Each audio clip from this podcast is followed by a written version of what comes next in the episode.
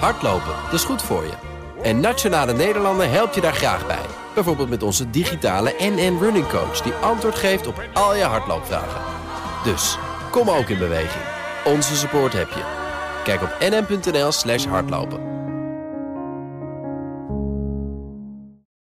Auto-update. En nou, het Broekhoff van de Nationale Autoshow. Ja, die moeten ze dan wel nog hier naartoe halen. Ja, maar dat is ook niet zo duur. Nee? Dat gaat ook in, dat gaat in dollars, ja. Ja. Jij bent met de Mini vandaag, zag ik. Ja, dat klopt. Ja, leuk autootje. Ja, de auto van de kinderen. Want de auto van vaders die, eh, had vanmorgen een eh, laag koelvloeistof eh, dingetje. Oh, Ja, en ik had geen zin om vanmorgen voor om tien voor vier... met een bus koelvloeistof in de weer te gaan. in, snap in de dat regen. ja. Dat doen we straks wel. yes. Ja. Is je vergeven. Dank je. Ja. We gaan beginnen met Dieselgate. Ja. Nou, een slepend, eh, als, een, als, een, als een slechts vastzittend been... Ja. Aan, de, aan, de, aan, de, aan het lijf van de automobielindustrie. Er is een nieuwe uitspraak over Dieselgate. Ja, hier in Nederland, en eh, toch wel een opvallende. Voor het eerst is er een schadevergoeding toegekend aan een koper van een tweedehands Volkswagen in Nederland. Eh, Tweedehands. Tweedehands, ja. De rechter veroordeelt Volkswagen tot het betalen van een schadevergoeding van 1500 euro aan die consument. Eh, De zaak was aangespannen door de Consumentenbond en de Stichting Volkswagen Groep Diesel Efficiëntie. De rechter zegt eigenlijk: de consument heeft recht op een auto zonder verboden onderdelen, ook al is die tweedehands.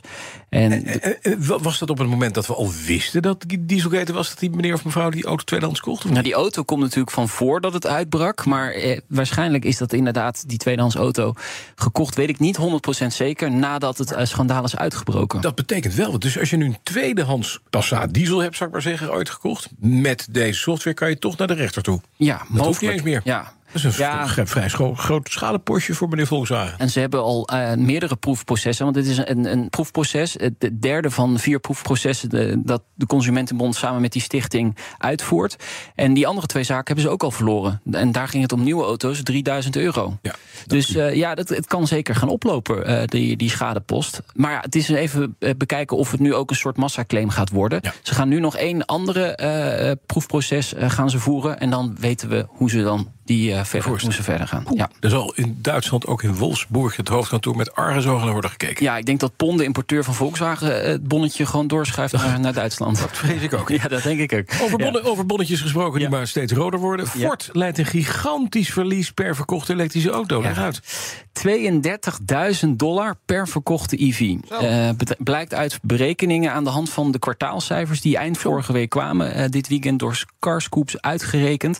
Ja, Ford verwacht ook echt een groter verlies op zijn EV-activiteiten. Niet 3 miljard dollar dit jaar, maar 4,5 miljard dollar. Loopt alleen maar verder op. Ehm, ja, en daardoor zijn ook de doelstellingen nu dus bijgesteld. Eh, Ford eh, gaat eh, meer inzetten ook op de productie van hybrides. Dus eh, ja, ze, ze zien nog niet echt. ehm, Licht aan de horizon. Nee, eh, ja, dat heeft natuurlijk met efficiënt produceren te maken, maar, maar vooral met de prijskaartjes. Ja, als je ziet dat Tesla ongelooflijk veel korting geeft op zijn elektrische auto's, ja, daar moet je als Ford zijnde dan toch ook in mee. Ja. Ja, en dan schrijf je dus heel veel geld af. Maar ze, hebben, nu- ze hebben het hele ontwikkelingstraject met die Ford F-150 Lightning. Hè, dat, Ja. De pick-up truck, de elektrische pick-up truck, Ja. dat moest het gaan worden. Ze hebben de Mustang, Ja. elektrische Mustang. Ze hebben nog wat elektrische dingen, maar zoveel zijn het er eigenlijk niet. Nee, ze, ze hebben nog niet veel. verliezen, Ja, dat, is, dat loopt hard op. Ja, dat doet erg pijn. Ze moeten sowieso het aanbod inderdaad opschalen. Er moeten meer modellen komen die elektrisch zijn. Maar ze gaan nu even die tussenvorm kiezen. hè. Die hybrides gaan ze nu meer op inzetten. maar ze hebben diepe was- zakken. Dat is anders dan Tesla. Ze kunnen wel een paar eh, Nou ja, die hebben. F-150, daar verdienen ze natuurlijk wel nog altijd heel veel geld mee. Dus eh, eh, dit is de EV-tak van het bedrijf. Mhm. Ja. Maar de andere tak van het bedrijf Die verdient nog- door. Ja, Dan een bestuurster van een zelfrijdende Uber-taxi is veroordeeld. Vertel, dat? Ja. ja, dat is die fatale crash geweest in 2018. Eh, Ook op BNR vrij groot besproken Mhm. destijds. Vond plaats in Arizona met die eh, Volvo XC90. Volgehangen met technologie. Maar de bestuurder, eh, de Rafaela eh, Vasquez, eh, reed s'nachts een vrouw aan... eh, die met de fiets aan de hand langs de weg liep.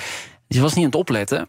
Terwijl ze daar wel voor achter het stuur was gezet. Ja, ja. Eh, ze keek eh, The Voice, bleek later, eh, een aflevering. Ja, het was de, e- eigenlijk de eerste echte geregistreerde dode... waarbij een zelfrijdende auto betrokken was. Nou, ze is dus nu bijna vijf jaar later veroordeeld... tot drie jaar voorwaardelijk onder toezicht. Dit zwengelt de discussie weer aan over de aansprakelijkheid, hè Bas? Van, Ja. hè, ben je als autofabrikant nou verantwoordelijk? Ben je als bestuurder verantwoordelijk? Zij zat daar echt om de boel in de gaten te houden. En dat deed ze op dat moment Ja, niet. dan word je dus gezien door de rechter als bestuur. Juist. Punt. Dus Ja. dit, zou, dit is best wel een, een belangrijke uitspraak in dit dossier. Ja. Hoewel we weten ook wel dat, dat autonoom wel een beetje op de achtergrond verzeild is geraakt. Hoe Mhm. zeg jij dat ook altijd weer? Een autonoom is- blijft een droom. Maar hier wordt wel met veel aandacht naar gekeken naar deze Zeker. uitspraak. Dit was echt wereldnieuws. En het heeft eh, ook bij Uber ervoor gezorgd dat zij eh, die, ehm, die activiteiten hebben Ja, ja. Volvo was er ook bij betrokken, hè, met die XC90 die ze hadden, eh, ja, eh, die, die daar rond Ja, met precies, alle ja. technologie. Ook zij hebben daarna gezegd: van ja, we zetten dit op een lager pitje. ja, ja. Het heeft, veel, heeft echt wel veel ehm, Impact gehad. impact gehad Ja. in de wereld van je moet ook autonoom. heel goed nadenken. Want inderdaad, je moet niet hebben dat je iemand gewoon doodrijdt... die daar niks voor moet lopen te wandelen. Ja. We gaan naar MG. De laatste tijd wordt het, ook ons land overspoeld met EV's van, eh, van dat merk. Vroeger was het Morris Garage uit Abingdon, Engeland. MG, het merk is verkocht. Bouwt eh, EV's in China. En die Chinezen die gaan nu auto's in Europa bouwen. Ja, dat is best interessant. Eh, de eigenaar van MG, dat is SAIC, is echt een van de grootste Chinese automerken. Eigenlijk is die opmars altijd gedreven van de Chinese merken vanuit China, omdat ze daar laag kunnen, eh, lage productiekosten hebben. Dus ze kunnen efficiënt en goedkoop produceren.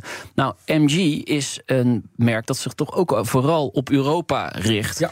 En daarom denken ze dat eh, de Europese productie wel eens een goede zou kunnen zijn. Wij hebben nog een fabriek in Born. Nou, Ik wou zeggen, hallo China, we hebben nog een fabriek in Born. Ja, eh, ze denken wel dat het duurder is om hier te produceren, maar de aantallen zullen ook toenemen. Dus ja, dan is het even een Economy balans vinden. Ja, precies. Ja. En eh, dus wordt het tijd om, zoals ze zeggen, lokaal te produceren, meldt Automotive News Europe. Wanneer is niet duidelijk, waar ook nog niet. Born, Born, Born. Ja, nou, eh, ik- gaan ze het zelf doen? Dan zetten ze gewoon zelf een fabriek neer. Of gaan ze op contractbasis doen? Zoals, Wat zou jij doen?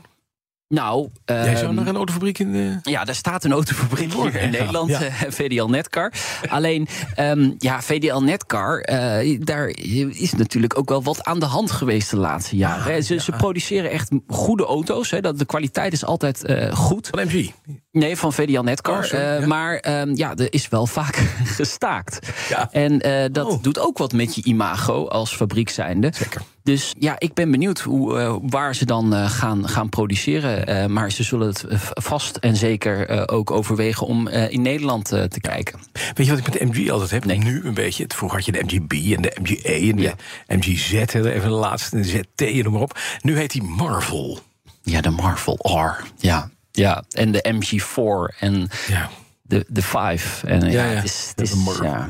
Nou, Oké. Zullen we het hebben over iets Ja. heel positiefs? De comeback van Lancia is een stapje dichterbij. ja, En je begrijpt, dat vind als ik fijn. Lancia-liefhebber ben blij. Ja, want jij, jij hebt een oude. Ik heb een Fulvia en ik heb een Appia, die uit ja. 1960 die Ja. gerestaureerd wordt door mij zelf. Wordt nog altijd? Ben je nog altijd mee bezig? Dat duurt ook de hele tijd, want hij heeft 40 jaar in een tuin gestaan in Brindisi. Dus ja, dan heb je hem niet in drie weken af. eh. nee, nee, nee. En je bent hem op Italiaans tempo je hem aan het Heel rustig. restaureren. Ook dit wordt je vergeven. Piano, piano. Ja, Len, de piano. Ehm, de eerste nieuwe Y wordt gebouwd. Eh, de foto's zijn op, eh, op LinkedIn verschenen bij Lancia. Eh, het is wel bijzonder, want we weten eigenlijk nog niet hoe die auto eruit gaat zien. We kennen de Y zoals die nu is. Die wordt alleen nog in Italië geleverd. Ja. Maar de Y die er nu zit aan te komen en volgend jaar op de markt verschijnt, dat is gewoon een compleet nieuwe auto. Het eerste nieuwe model van Lancia in jaren. Ja, dat is wel spannend. Eh, het, ja, ze noemen het zelf de renaissance, hè, de wedergeboorte van Lancia. In 2024 dus met de Y. Dan komen ze in 26 met de Gamma, dat is een SUV. En dan in 2028 met de Delta, dat is een beetje sedan limousine. Het, het vlaggenschip moet dat Ja, ja, worden. precies. Dus ja, dit, eigenlijk een heel ja, belangrijk een beetje bericht. terug. Ja, Ja. het is te land. Ze hebben natuurlijk allerlei nare dingen gedaan door dat merk. Te badge engineeren op Ja. eh, voormalige Chrysler-producten en zo. Ja, dat is helemaal mislukt. totaal. Ja, toen kwam de Y alsnog alleen voor Italië. Ja. En nu gaan ze toch weer proberen om ook in heel Europa eh, hun auto's te verkopen. Ik ben heel benieuwd. Gaat het lukken? Gaat het lukken? Gaat het lukken? Nou, kijk, die IP is in, in- Rome is dat een Ja. soort. Daar moet je naast een handtasje van, eh, van Louis Vuitton moet je zo'n Y, hebben. hebben, ja. Anders word je niet bij. En een beetje daar hè, prosecco in drinken en zo. Maar ik hoop zo dat het merk terugkomt. Echt met iets moois. Ja. Ja, dit, is de vraag. Want we, we hebben wel nu foto's, maar alleen van dat het productieproces is begonnen. We weten niet hoe die Upsilon eruit ziet. Het gaat niet lang, heel, heel lang meer duren. Ik denk dit najaar weten we echt wel hoe die Upsilon eruit ziet. En hoe dan de toekomst van Lancia gaat worden. Klein en modieus. Ja, dat hoop ik ook. Dit wordt een Louis Vuitton ja. handtas, maar dan met vier wielen. Ja, maar wel elektrisch, waarschijnlijk. Dankjewel, nou Broekhoff. Graag gedaan. Ook De auto-update wordt mede mogelijk gemaakt door Leaseplan.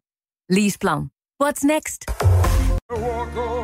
Hardlopen, dat is goed voor je.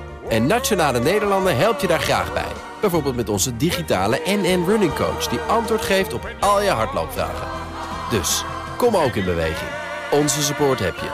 Kijk op nn.nl slash hardlopen.